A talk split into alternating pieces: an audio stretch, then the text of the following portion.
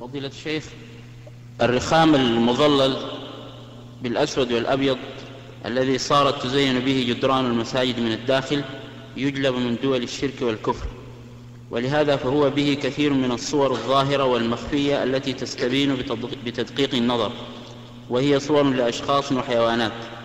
فما حكم الصلاة في هذه المساجد وحكم وضع هذا الرخام في المساجد؟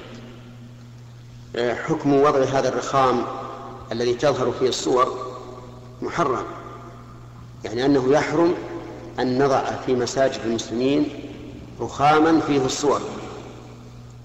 ويجب على أهل الحي الذين آه، سترت جدران مسجدهم بهذا يجب عليهم أن يطالبوا بإزالتها. فإن لم يمكن فلا يصلوا في هذا المسجد بل يطلبوا مسجدا آخر.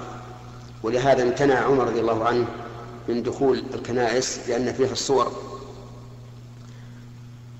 وأقول للأخ السائل إذا كان هذا أمرا واقعا هنا في المملكة العربية السعودية فليبينه لنا بيني وبينه حتى نتفاهم مع عامل هذا المسجد.